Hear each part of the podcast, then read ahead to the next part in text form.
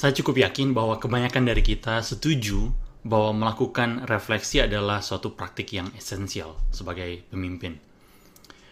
Kalau kalian belum menemukan alasan yang kuat mengapa melakukan uh, refleksi itu menjadi suatu yang esensial, maka mungkin apa yang menjadi kesimpulan dari John Maxwell bisa menjadi semacam pendorong ya untuk kalian.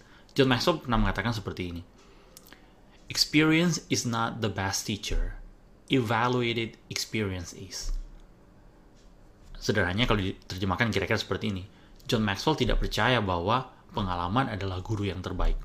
Tetapi bagi dia, pengalaman yang kemudian dievaluasi itu adalah guru yang terbaik. Apa sebenarnya yang kita bisa maknai dari statement tersebut? Bahwa ketika kita mengevaluasi pengalaman-pengalaman yang kita dapatkan dalam kehidupan kita, kita bertambah mendapatkan yang namanya hikmat atau wisdom.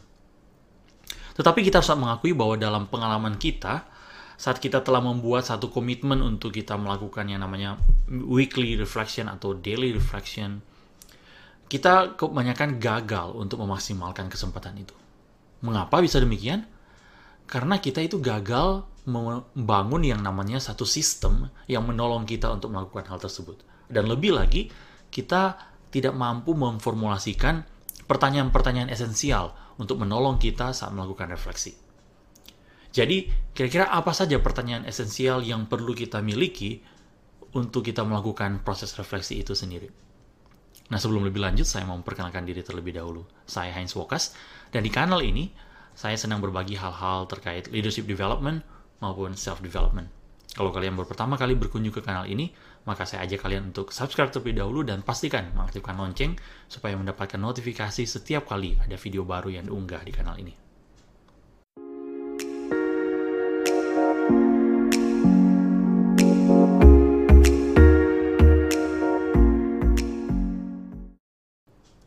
Sebelumnya di awal video ini saya mengatakan bahwa membuat satu sistem atau mengembangkan satu sistem itu menjadi suatu hal yang esensial sebelum kita berkomitmen melakukan uh, refleksi gitu ya. Mengapa saya memberikan saran seperti ini? Karena dari pengalaman saya sendiri, ketika kita tidak mampu membangun sistem, kebanyakan kasus kita itu akhirnya gagal untuk menerapkan hal yang baik ini. Nah, saran saya sederhana saja ketika kita ingin membangun sistem saya belajar prinsip-prinsip ini dari buku Atomic Habits dari uh, James Clear ya. Setidaknya ada tiga hal yang saya mau tekankan dalam kesempatan itu. Pertama adalah kita membuat yang namanya rencana. Nah, tentu kalau kita tidak merencanakan apa yang kita uh, akan kerjakan, ada potensi ya kita nggak akan bisa mengerjakan apa yang telah uh, ingin menjadi uh, semacam goal dari kita ya. Nah, ketika berbicara tentang rencana ini sendiri ada dua hal esensial yang perlu kita perhatikan, yaitu kapan, dan di mana. Jadi ketika kita aplikasikan dalam konteks ketika kita ingin membuat refleksi atau melaksanakan refleksi, kita perlu ada gambaran yang jelas apa yang sebenarnya kita inginkan. Dan kapan kita akan melakukan itu dan di mana. Nah, ini menjadi hal yang krusial untuk kita tentukan.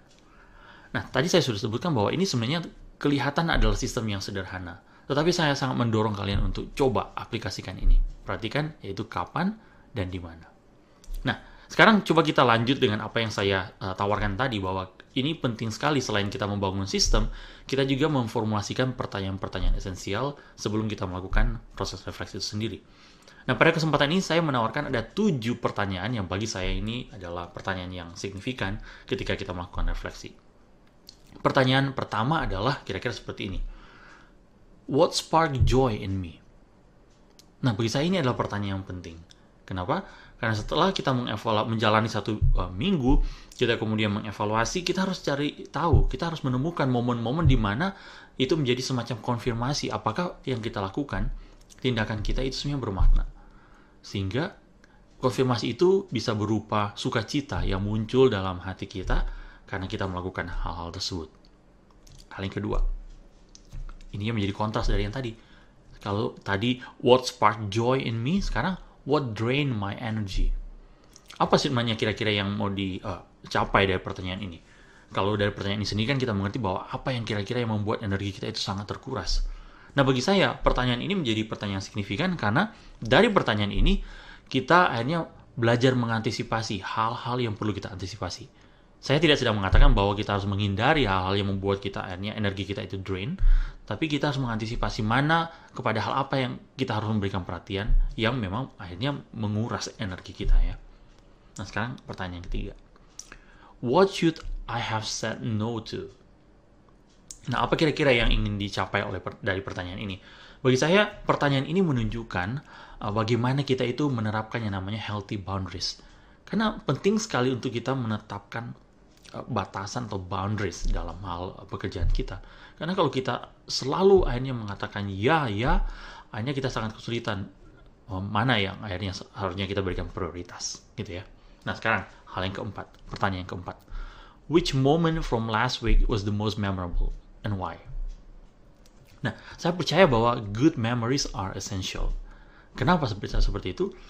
Karena biasanya memori-memori yang baik itu itu seperti menguatkan apa ya semacam identitas kita dan uh, purpose kita dan dalam kaitan dengan uh, relasi kita dengan orang lain itu memperkuat gitu ya relasi kita dengan orang lain karena kita memiliki momen-momen yang uh, berharga dan itu layak untuk kita uh, kenang karena itu memberikan energi baru bagi kita dalam terutama dalam relasi dengan orang lain. Pertanyaan kelima. What have I been avoiding that needs to get done? Nah, dari pertanyaan ini saya belajar untuk bagaimana saya itu menentukan prioritas. Karena mungkin ada hal-hal yang seharusnya sudah dikerjakan tapi ditunda-tunda dan seolah-olah kayak uh, dihindari untuk dikerjakan. Padahal itu hal yang penting untuk segera diselesaikan. Karena kalau tidak selesai mungkin ada pekerjaan dari rekan kita yang juga nggak akan selesai karena kita tidak mengerjakan pekerjaan bagian kita dengan maksimal. Sekarang pertanyaan yang keenam. Is there anyone I've been meaning to talk to? Nah, apa kira-kira yang dimaksud dari pertanyaan ini? Bahwa mungkin dalam keseharian kita, dalam relasi kita, ada orang-orang yang seharusnya kita itu meluangkan waktu untuk kita bisa berkomunikasi, membangun relasi dengan mereka. Tetapi karena kesibukan kita, akhirnya kita itu lupa untuk ada percakapan-percakapan yang bermakna dengan mereka. Jadi dari pertanyaan ini sebenarnya saya mau sampaikan adalah bagaimana kita melihat, bagaimana kita menghargai yang namanya relasi. Dan pertanyaan yang terakhir adalah, what am I most grateful for? Nah, bagi saya pertanyaan ini menjadi pertanyaan kunci yang penting sekali untuk kita mengembangkan rasa syukur dalam kehidupan kita ya. Mengekspresikan syukur itu penting sekali. Dan ini harus menjadi bentuk disiplin yang kita lakukan karena penting sekali untuk kita belajar menghitung berkat-berkat yang Tuhan telah berikan dalam kehidupan kita. Nah, mengakhiri episode kali ini saya teringat ada satu statement dari Confucius. Dia mengatakan bahwa seperti ini ya kira-kira. Ya. By three methods we learn wisdom. First, by reflection, which is the noblest. Second, by imitation, which is the easiest. And the third, by experience, which is Peter's. Ini adalah statement yang penting sekali ya ketika kita belajar mengevaluasi atau berefleksi dari pengalaman-pengalaman yang kita dapatkan. Confucius mengatakan bahwa belajar dari pengalaman itu itu memang tidak menyenangkan. Bahkan bisa dikatakan itu cukup pahit ya. Tapi dari proses itu tersebut kita akhirnya belajar untuk akhirnya melihat uh, momen-momen kehidupan dan akhirnya kita itu makin mendapatkan yang namanya hikmat. Nah, refleksi itu adalah cara dia katakan cara yang paling nobles gitu ya paling agung yang bisa kita lakukan untuk bagaimana kita mendapatkan yang namanya hikmat. Nah, sekarang saya mau ajak kalian dari tujuh pertanyaan yang sudah saya bagikan pada episode kali ini. Kira-kira pertanyaan mana yang paling menstimulasi kalian untuk melakukan yang namanya refleksi? Atau kalau kalian mempunyai pertanyaan lain yang menarik yang bagi kalian itu mendorong kalian untuk mempraktikkan praktik baik ini, coba kalian juga bagikan di kolom komentar supaya kita boleh melanjutkan diskusi.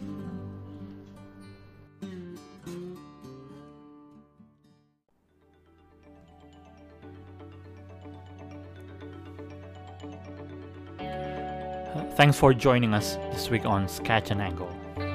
If you found value in the show, we would appreciate if you would simply tell a friend about the show. And be sure to tune in next Monday for our next episode.